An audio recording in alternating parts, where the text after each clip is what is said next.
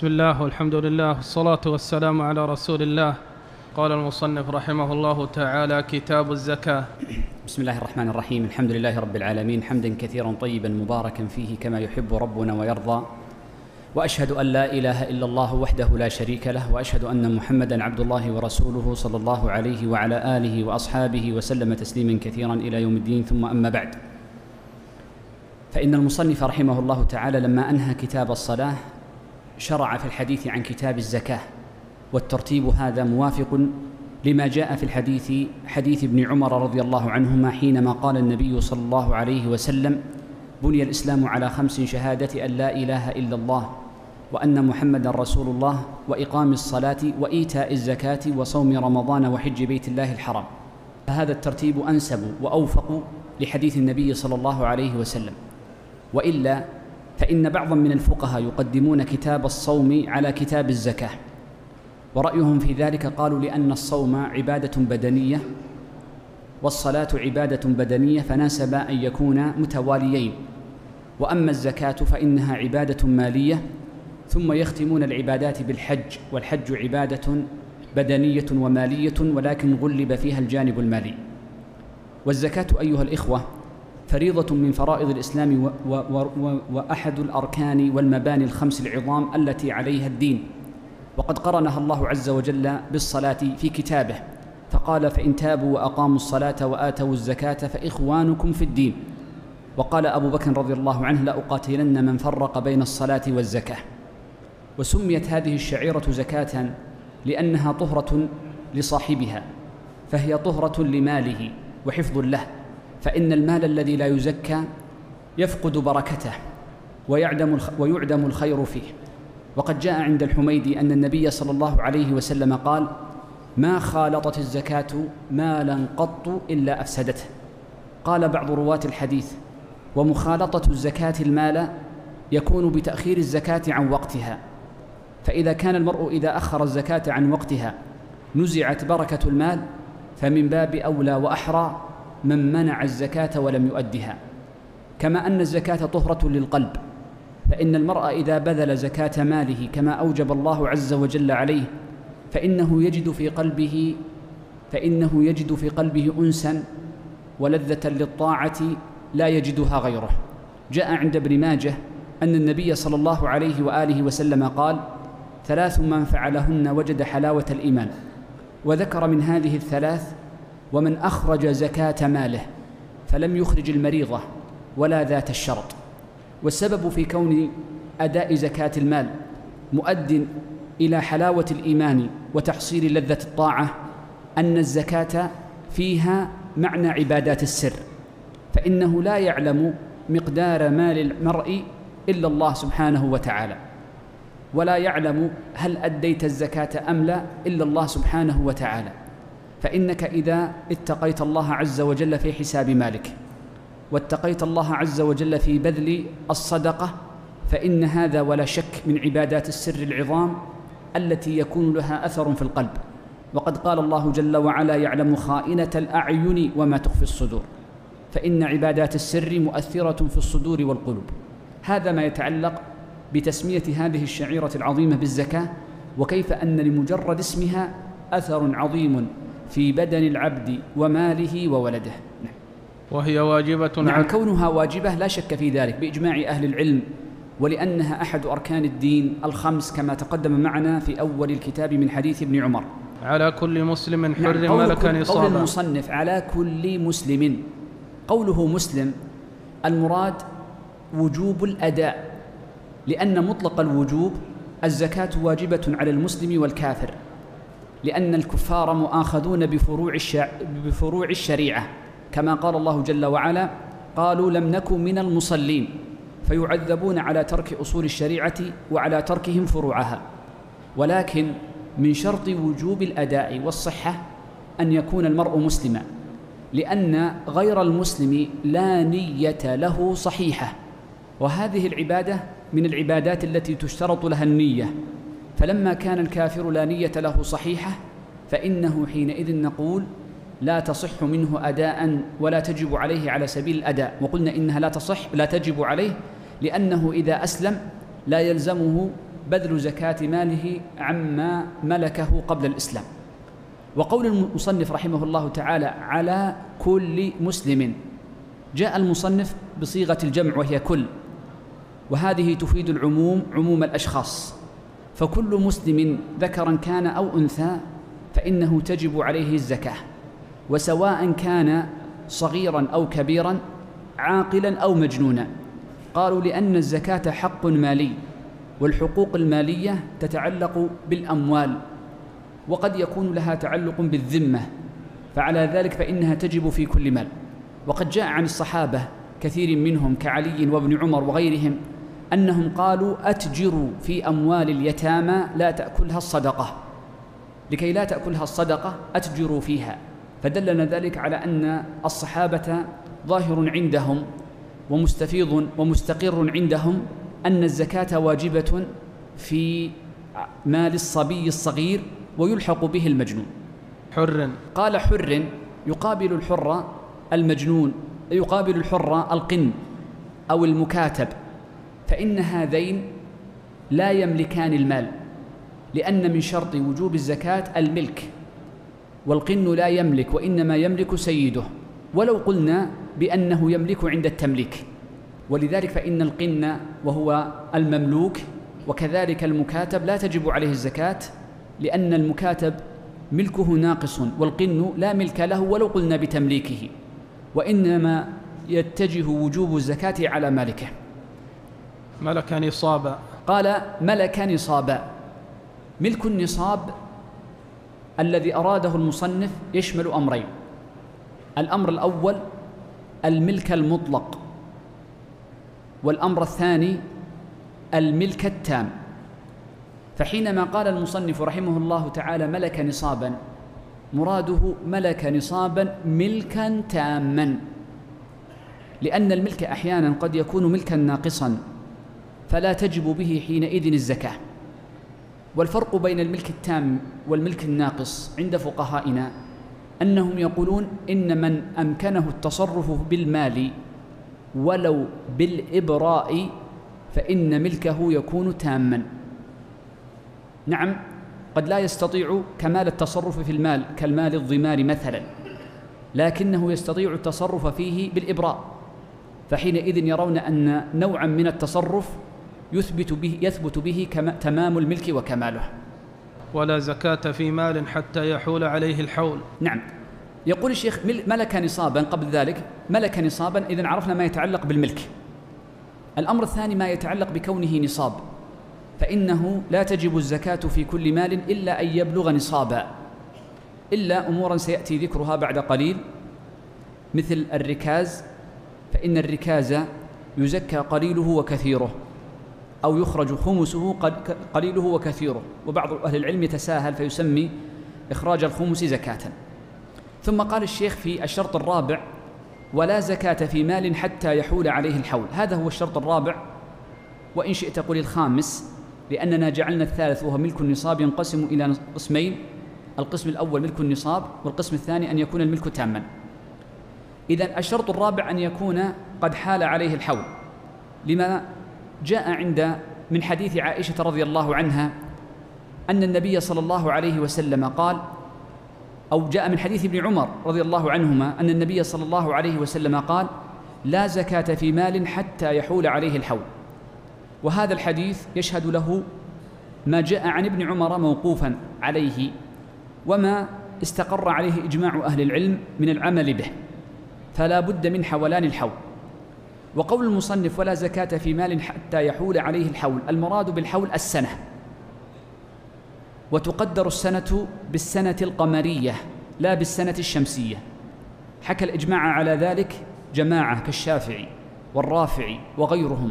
فقالوا إن الحول الذي يعتبر في باب الزكاة إنما هو الحول القمري لا الحول الشمسي. والفرق بينهما أحد عشر يوما. إلا الخارج من الأرض. نعم ثم بدأ يستثني المصنف أمورا تجب فيها الزكاة وإن لم يحل عليها الحول. أولها الخارج من الأرض. لقول الله عز وجل وآتوا حقه يوم حصاده فحينما يأتي الحصاد فإنه يجب أداء الزكاة وإن لم يحل عليه الحول. وما كان تابعا للأصل كنماء النصاب وربح التجارة فإن حولهما حول أصلهما. نعم. المال الذي يستفيده المرء وانتبه لهذا المصطلح ويسمونه ويسمونه بالمال المستفاد. المال الذي يستفيده المرء تارة يكون ناتجا عن نماء أو ربح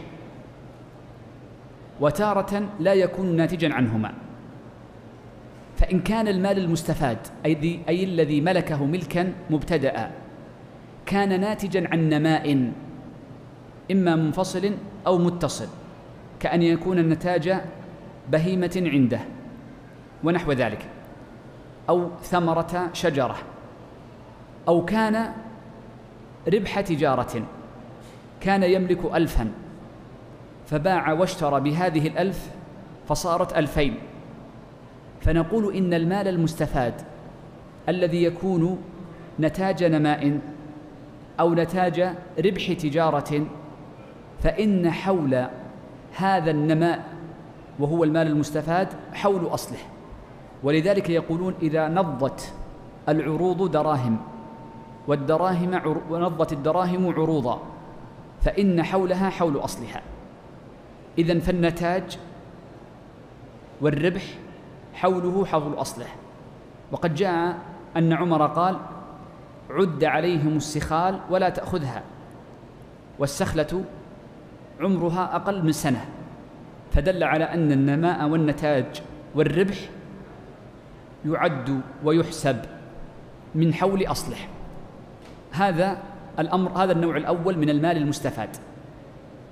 النوع الثاني من المال المستفاد الذي يستفيده المسلم ولم يك ربح تجارة ولا نماء للنصاب الذي يملكه. مثال ذلك أن يعطى ويوهب له مال أو أن يرث مالا أو أن يعمل بيده عملا فيأخذ عليه أجرة ونحو ذلك من أسباب الملك. إذا فأسباب الملك كثيرة جدا قد يتملك بها المال فيكون قد استفاد هذا المال لكن ليس نماء للمال الأول وليس ربحا لتجارته. فنقول إن المال المستفاد يكون حوله حول نفسه ولا يكون حوله حول أصله.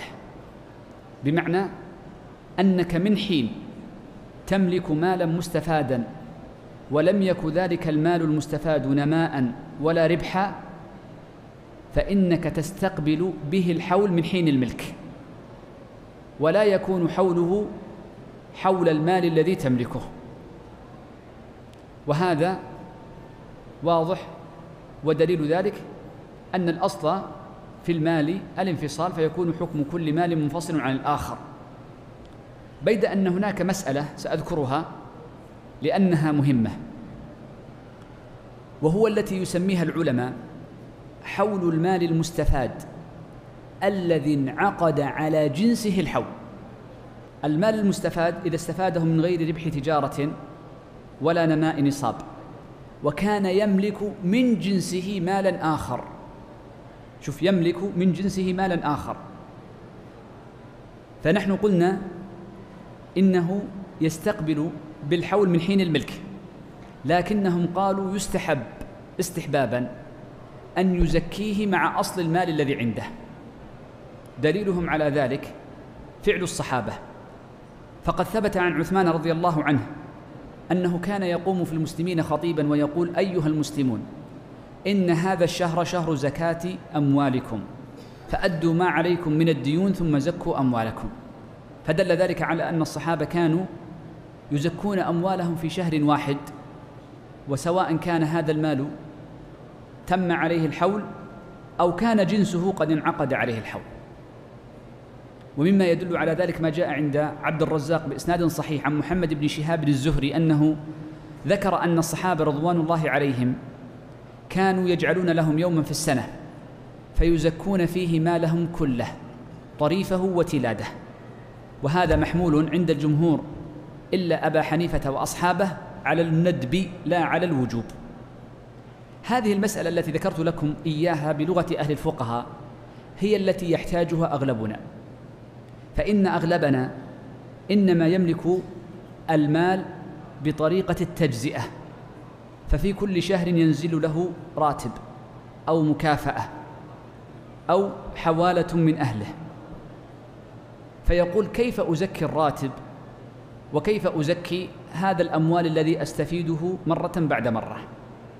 نقول إن الأصل أن كل مال تكسبه تستقبل به حولا جديدا. فتزكيه من السنة القابلة في وقت ملكه. ولكن الأفضل أن تجعل لك يوما في السنة. فتزكي فيه كل المال الذي عندك ما دام قد انعقد على جنسه الحول. وهذا الذي فعل فعله الصحابة حتى والتابعون كما جاء عن ميمون بن مهران عند أبي, عند أبي عبيد في كتاب الأموال بإسناد صحيح. فتزكي جميع مالك استحبابا. وقد نقول وجوبا. لأننا في هذا الوقت أصبحت الرواتب تنزل في حساب واحد ثم تسحب عشر ريالات مثلا. هذه العشرة لا تدري أهي ممن عقد عليه الحول أم من راتب محرم أم من راتب صفر أم من رابط بالربيع وهكذا. ولذا فإننا نقول لما اختلط المال فنأخذ بالأحوط الذي كان يفعله الصحابة. فمن كان عنده مال مستفاد قد انعقد على جنسه الحول التي هي رواتب الموظفين. فإنه يجعل يوما ينعقد فيه ففي, ففي أول يوم ينعقد الحول على ماله فإنه يزكي فيه على رأس كل حول كل مال عنده سواء دار عليه الحول أو لم يدر عليه الحول بل حتى لو ما مضى عليه إلا شهر أو أقل. هكذا كان يفعل الصحابة ونقله التابعون وتابع التابعين عن التابعين كذلك.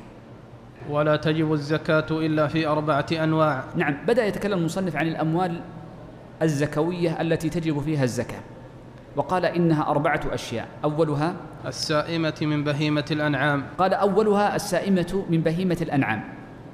معنى السائمة أي التي ترعى المرعى المباح وعبر الفقهاء بالمباح ليخرجوا المملوك.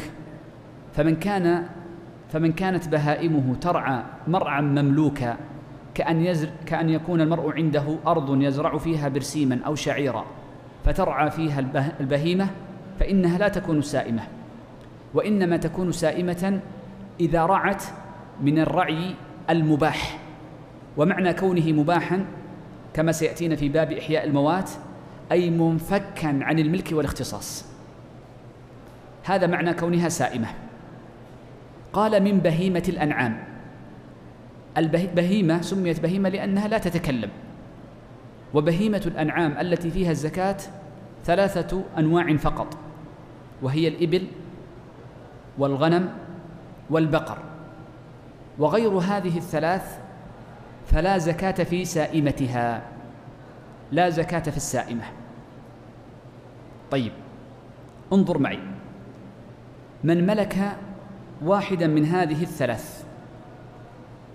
البقر أو الإبل أو الغنم. فإنه كيف يكون زكاتها؟ نقول لها ثلاثة أحوال إما أن تزكى زكاة السائمة وإما أن تزكى زكاة عروض التجارة وإما لا زكاة فيها. متى تزكى زكاة السائمة؟ قالوا إذا ملكها الشخص لواحد من أغراض ثلاثة واحفظوها لأني ربما سألت فيها. إذا ملكها لأجل الدر أو النسل أو التسمين من ملك السائمة لأجل واحد من هذه الأمور الثلاثة فإنها تزكى زكاة السائمة أي إذا كانت سائمة فسيأتي مقدار كيفية زكاتها بعد قليل. الدر والنسل والتسمين. الدر لأجل الحليب والنسل لأجل الولد لكي تكون أمات فتنتج. والتسمين يسمنها ليأكلها مثلا أو ليجعلها ضيف لضيف ونحوه. هذه الثلاث تزكى زكاة السائمة وسيأتي تفصيلها بعد قليل. النوع الثاني تزكى زكاة عروض التجارة.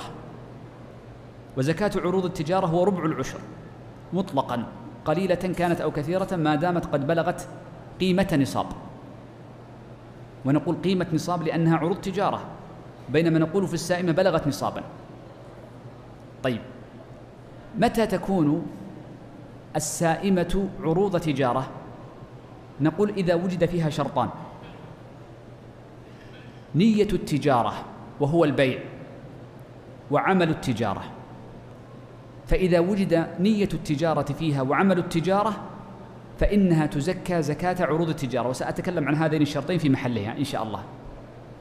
الأمر الثالث أن لا يكون فيها زكاة.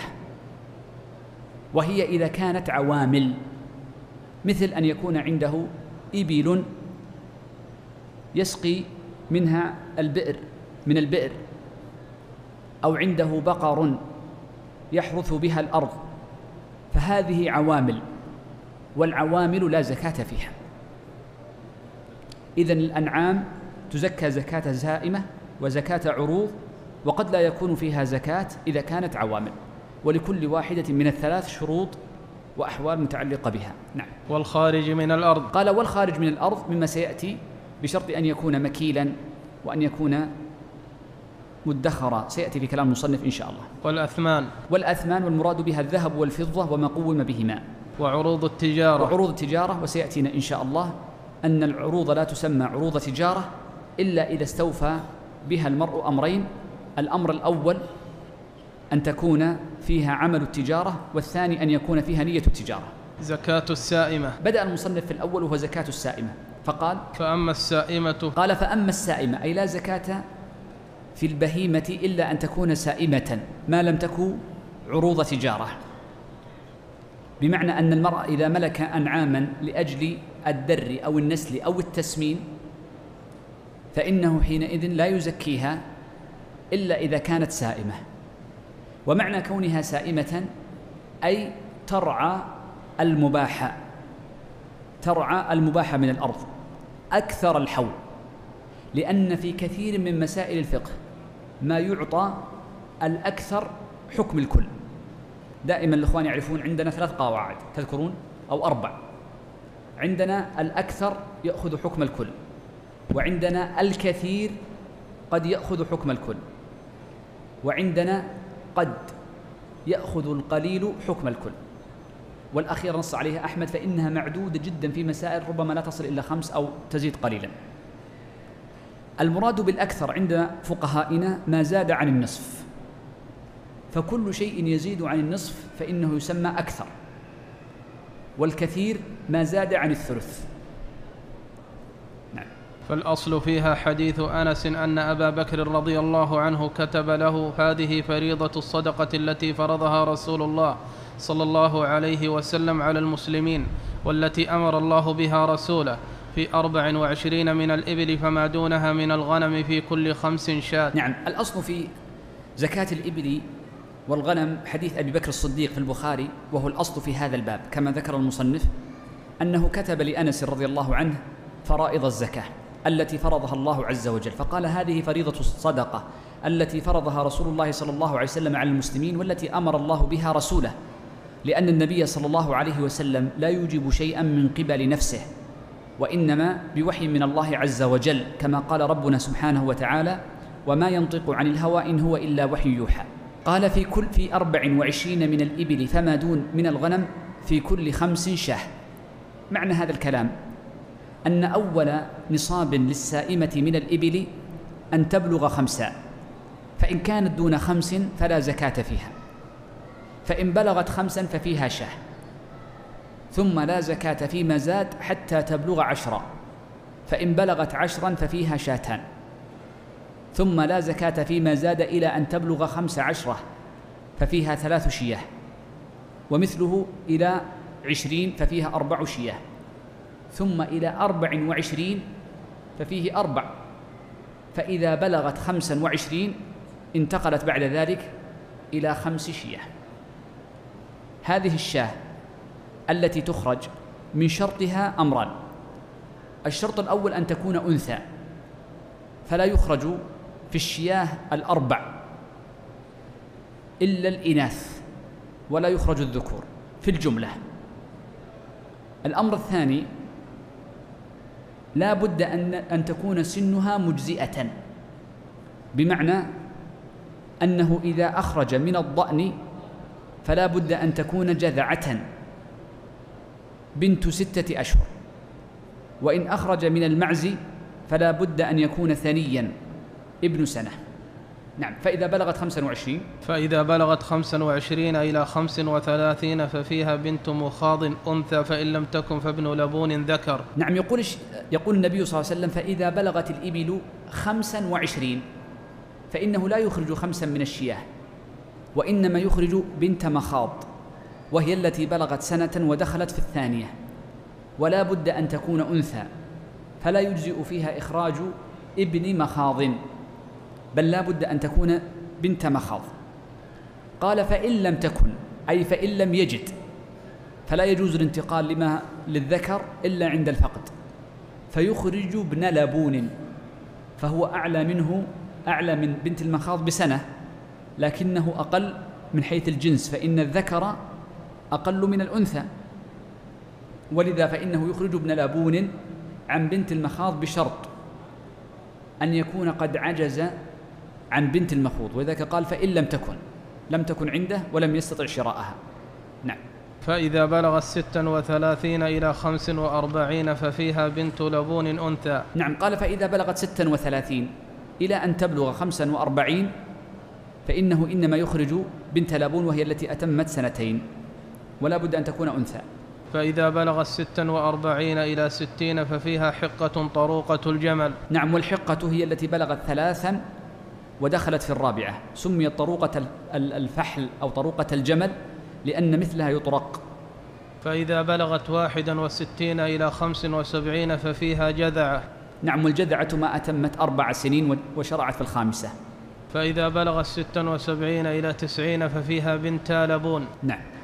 فإذا بلغت إحدى وتسعين إلى عشرين ومائة ففيها حقتان طروقتا الجمل. نعم. فإذا زادت على عشرين ومائة ففي كل أربعين بنت لبون وفي كل خمسين حقة. نعم. فإن بلغت مئتين جاز له أن يخرج حقاقا أو أن يخرج بنات لبون. ومن لم يكن معه إلا أربع من الإبل فليس فيها صدقة إلا أن يشاء ربها. نعم. لأنها لم تبلغ النصاب إذ أقل النصاب خمس من الإبل ففيها شاة. وقول النبي صلى الله عليه وسلم إلا أن يشاء ربها أي إلا, إلا أن يخرجها من باب الصدقة فلا تكون حينئذ زكاة واجبة. وفي صدقة الغنم في سائمتها إذا كانت أربعين إلى عشرين ومائة شاة فإذا زادت على عشرين ومائة إلى مائتين ففيها شاتان. نعم. قال وفي صدقة الغنم في سائمتها أي سائمة الغنم إذا بلغت أربعين فقد بلغت النصاب. فيجب فيها إخراج شاة أنثى إذ لا يخرج الذكر هنا إلا في أحوال نادرة مثل تيس الذي يكون طروقا ويكون فحلا فإنه يكون أغلى وفي صور مستثناة أوردها العلماء. يقول طبعا الغنم يشمل الثنتين يشمل الضأن ويشمل المعز كلاهما يسمى غنما. قال في سائمتها إذا كانت أربعين إلى مائة وعشرين شاة ولا بد أن تكون هذه الشاة أنثى وأن تكون جذعة إن كانت من الضأن أو تكون ثنيا إن كانت من المعز. والجذعة من الضأن ما لها ستة أشهر وثني المعز ما كان له سنة. فإذا زادت على عشرين ومائة إلى مائتين ففيها شاتان. يعني بلغت واحدا وعشرين ومائة إلى أن تبلغ المائتين ففيها شاتان. فإذا زادت على مائتين إلى ثلاثمائة ففيها ثلاث شياه. يعني من مائتين وواحد إلى أن تبلغ السائمة التي يملكها المسلم ثلاثمائة فإنما تجب عليه ثلاث شياه فإذا زادت على ثلاثمائة ففي كل مائة شاة.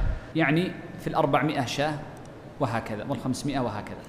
يعني بناء على ذلك فإنه من حين مئتين وواحد إلى ثلاثمائة وتسعة وتسعين فإن فيها ثلاثة شياه فإذا بلغت الأربعمائة انتقل إلى الشاة الرابعة أو وجبت عليه أربع شياه.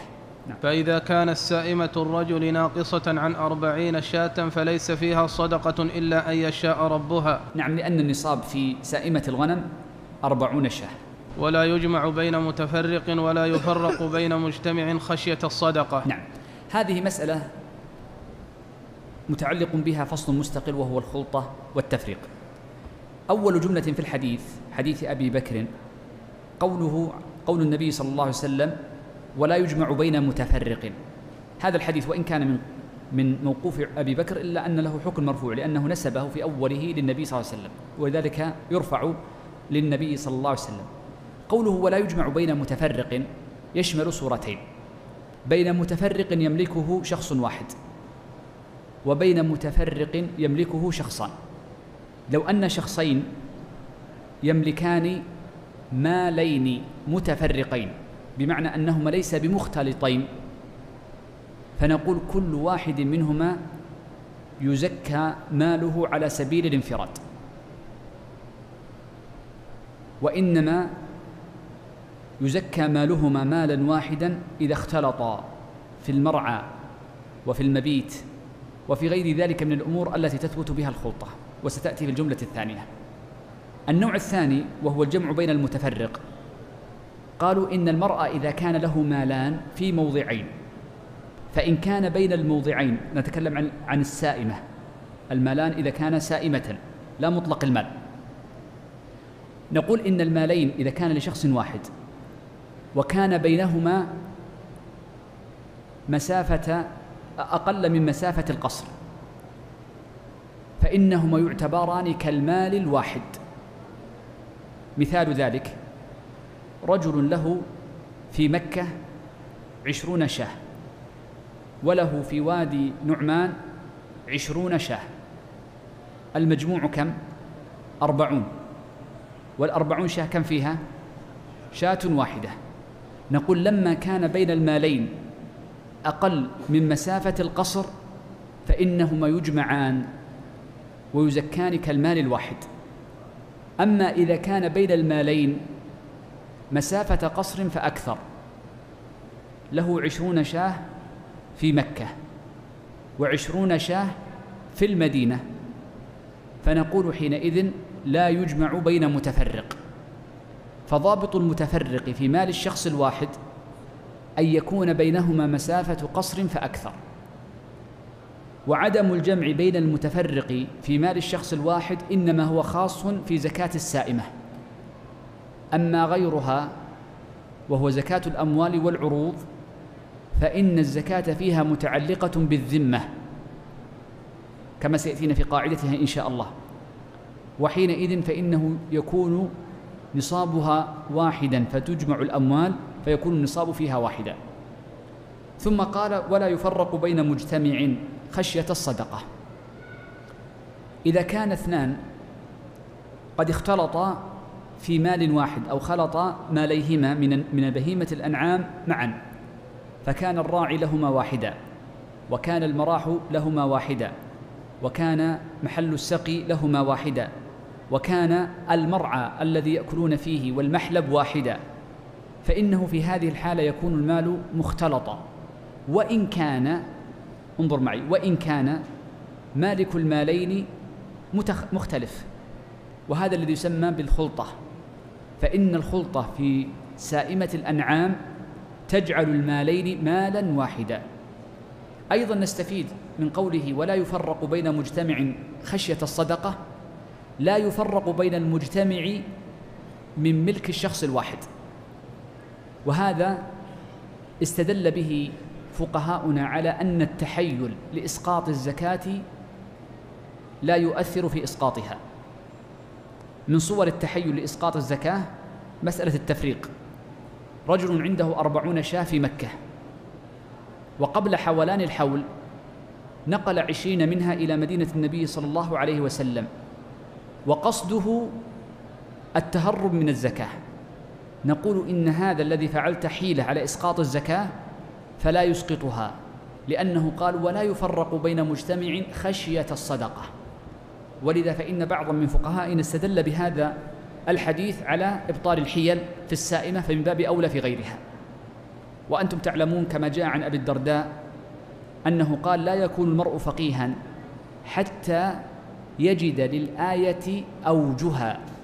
وكذلك الحديث فإن الحديث يكون له أوجه في تفسيره. إذ النبي صلى الله عليه وسلم أوتي جوامع الكلم. مناسب هنا أن أذكر الحديث عن عن عن الحيل. الحيل في الزكاة كثيرة جدا والحيل في الزكاة محرمة شرعا ولا تسقط الزكاة من الذمة. نقل عن بعض الناس قديما ذكروها في الطبقات أنه كان يتحيل على الزكاة وكانت طريقته في التحيل على الزكاة. أنه قبل حولان الحول ببضعة أيام يأتي بماله كله ثم يدعو أبناءه. ويقول لأبنائه قد وهبت هذا المال لكم جميعا. فينقل المال كله إلى بيوتهم. فإذا تم الحول فإذا ليس عنده نصاب فيه زكاة. وأبناؤه ابتدأ حولهم قبله بيومين أو ثلاثة أيام فلا زكاة عليهم لأنه لا يبنى حول المرء على حول غيره فإذا انقضى حوله بعد يومين أو ثلاثة جاءه, جاءه أبناؤه. وقالوا يا أبانا وجدنا أن الحياة لا تستقيم بدونك. فوهبنا لك المال الذي وهبته لنا فيرجعونه إليه وهذه نقلها ابن السبكي في الطبقات عن بعض الفقهاء في زمانه أو وهذا تحيل لا يجوز. ولذلك فإن فقهاءنا شددوا في باب الحيل. وقالوا إن من تحيل على إسقاط الزكاة بأي صورة حتى لو كان قد اشترى بالنقد مستغلات لا لقصد الاستغلال وإنما لقصد التحيل عن الزكاة فإنها لا تسقط. نعم. وما كان من خليطين فإنهما يتراجعان بينهما بالسوية. نعم. هذه ثمرة للسابق. فإن الخليطين إذا كانا مختلطين في سائمة الأنعام ثم أخرجت الزكاة من مجموعهما فإنه يرجع كل واحد منهما على صاحبه بنسبته. فعلى سبيل المثال لو كان خليطان أحدهما يملك ثلاثين شاة والآخر يملك شاة واحدة. فزكاتها كم؟ شاة واحدة. نقول من كان يملك ثلاثين عليه ثلاثة أرباع شاة ومن يملك عشر فعليه ربع شاة. فيرجع كل واحد منهما على صاحبه بنسبته. وهذا معنى قوله وما كان من خليطين فإنهما يتراجعان بينهما بالسوية أي بالنسبة والتناسب بقدر ملكهما. ولا يخرج في الصدقة هرمة ولا ذات عوار. نعم لا يجوز أن يخرج في الصدقة الهرمة وهي الكبيرة ولا يخرج العوراء وإنما يخرج من أواسط المال. وفي الرقة في مئتي درهم ربع العشر. نعم قال وفي الرقة في مئتي درهم ربع عشر. هذا الحديث فيه مسائل في الفقه أو هذه الجملة فيها مسائل في الفقه. منها أن النصاب في الفضة مئة درهم. لأن النبي صلى الله عليه وسلم قال وفي الرقة. والمراد بالرقة الفضة. ففيها مئة في مئتي درهم. فما نقص عن مئتي درهم فلا زكاة فيه. والمراد بالدرهم الدرهم الإسلامي الذي كان يعدل الدينار الذهب منه اثني عشر درهما. وهو الذي سكه بعد ذلك عبد الملك بن مروان. إذن المراد بالدرهم الدرهم الذي يسمى عند الفقهاء بالدرهم الإسلامي وهو الذي سك عليه عبد الملك بن مروان الدراهم. ولا بد أن تكون خالصة غير مغشوشة. والدرهم الإسلامي يعادل جرامان ونحو من سبعة وتسعين بالمئة من الجرام من جرام يعني 2.97 تقريبا. وعلى ذلك فإنك إذا ضربت هذه النسبة في مئتين ستجد أن النصاب الفضة ستجد أنها تبلغ خمسمائة وخمسة وتسعين جراما. أي من الفضة الخالصة. أما لو كانت مغشوشة أي نسبة الفضة ناقصة فإنك تزيد من تزيد بما يعادل ذلك من نسبته. إذا احفظ هذه. كم نصاب الفضة؟ بالجرامات خمسمائة وخمسة وتسعين جرام. هذه سأسأل عنها ثلاث مرات بعد قليل فلا تنسها. أسألها مرة ثالثة لكي لا تنسى. كم نصاب الفضة؟ أنت بطاقية وثوب أزرق أو كحلي. نعم. كم نصاب الفضة؟ مئة الدرهم. كم تعادل؟ كم تعادل من جرام فضة؟ مئة درهم كم تعادل من جرام فضة؟ لا, لا الدرهم الواحد يعادل 2.97 نقص جراما واحدا خمسمائة وكم؟ خمسة وتسعين جرام. احفظوها. خمسة تسعة خمسة. احفظها في ذهنك. لأن هذه تحتاجها كل سنة. كما سأشرح لكم بعد قليل. كل سنة تحتاج هذا الرقم. فلا تنسى. كم؟ كم أنت؟ خمسمائة أو كم؟ خمسة وتسعين جرام ذهب ولا فضة؟ فضة. إذا هذه المسألة الأولى وهو عرفنا كم نصاب الفضة وأنها مئة درهم وتعادل خمسمائة وخمسة وتسعين جراما. المسألة الثانية من هذه الجملة من الحديث أننا نقول إن زكاة الأثمان هي ربع العشر لقوله وفي الرقة في مئتي درهم ربع العشر. فدل على أن في كل عشرة ربع وفي كل مئة اثنان ونصف. بمعنى أنك تقسم على أربعين فقسمة العدد على أربعين هو ربع العشر. المسألة الثالثة في هذه الجملة استدل علماؤنا وفقهاؤنا من قول النبي صلى الله عليه وسلم وفي الرقة ربع العشر أنه لا زكاة في الحلي. والمراد بالحلي الحلي الملبوس. دليلهم قالوا لأن الرقة لا تسمى رقة إلا إذا كانت مضروبة مسكوكة على هيئة دراهم. كذا كذا فسرها أبو عبيد القاسم بن سلام وهو من أقران الإمام أحمد. وبناء عليه فإن الحلي ليس رقة ليس رقة. فلا يكون في الحلي زكاة لكن بشرط. الحلي إنما تسقط زكاته إذا كان ملبوسا أو معدا لللبس أو للكراء أو أو للعارية أو معدا للعارية. وأما إذا كان معدا للكراء ففيه الزكاة أو معدا للعارية بأن يعير المرء أو المرأة هذا الذهب الذي عندها.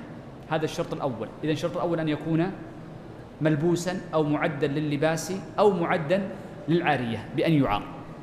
الشرط الثاني أنه لا بد أن يكون الحلي مباحا. فإن كان محرما فإن المحرم, المحرم لا يبيح ولا يسقط الأحكام. فنرجع للأصل إذ الأصل في الأثمان الزكاة. فلو أن امرأ كان عنده ذهب رجل يملك ذهبا ويلبسه أو يعيره إلى غيره مع لبسه. نقول إن لبس الرجل الذهب حرام ففيه الزكاة. وهكذا في كل شيء محرم ففيه الزكاة. الدليل على أن الحلي لا زكاة فيه هذا الحديث ولأنه ثبت عن أم المؤمنين عائشة رضي الله عنها أنها كانت لا تزكي الذهب الملبوس ولا المعدة للعارية. وأم المؤمنين عائشة رضي الله عنها في بيت النبي صلى الله عليه وسلم فهي من أعلم الناس بمثل هذه الأمور بل هي التي روت حديث أتؤدين زكاتهما للمرأة التي كانت تلبس الفتختين؟ فدل ذلك على أن المشهور عند الصحابة رضوان الله عليهم ألا زكاة في الحلي الملبوس. هنا مسائل تتعلق به. هناك قراء يقول أهل العلم تدل على أن الذهب ليس بملبوس. من هذه القرائن قالوا لو كان الذهب مكسورا فالذهب إذا كان مكسور لا يلبس. فحينئذ ولو نوي وأعد لللبس أو العارية فإن فيه الزكاة لأنه لا يعار وهو مكسور ولا يلبس وهو مكسور. ومثله يقال فيما لو كان الذهب لا يلبس مثله بعض الذهب لا يلبس إما عادة أو نحو ذلك من الأسباب. في أنواع من في قديما كانوا يلبسون أنواعا من الذهب لا نلبسها الآن أو لا يلبسها النساء الآن. فحينئذ نقول وإن أعد لللبس فإنه لا يلبس عادة لكونه قديما.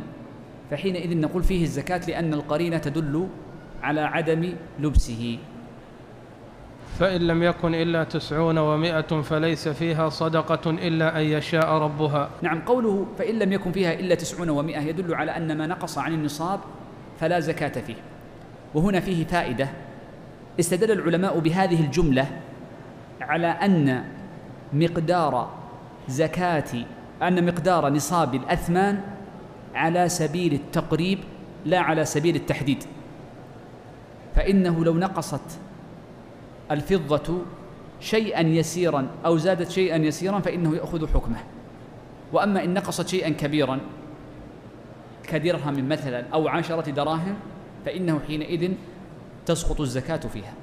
لعلنا نقف هنا بمشيئة الله عز وجل. وصلى الله وسلم وبارك على نبينا محمد.